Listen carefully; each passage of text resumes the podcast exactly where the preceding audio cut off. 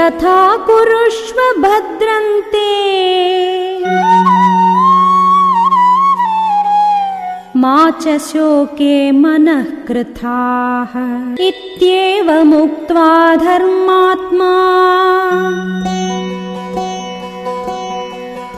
धर्मार्थसहितं वचः।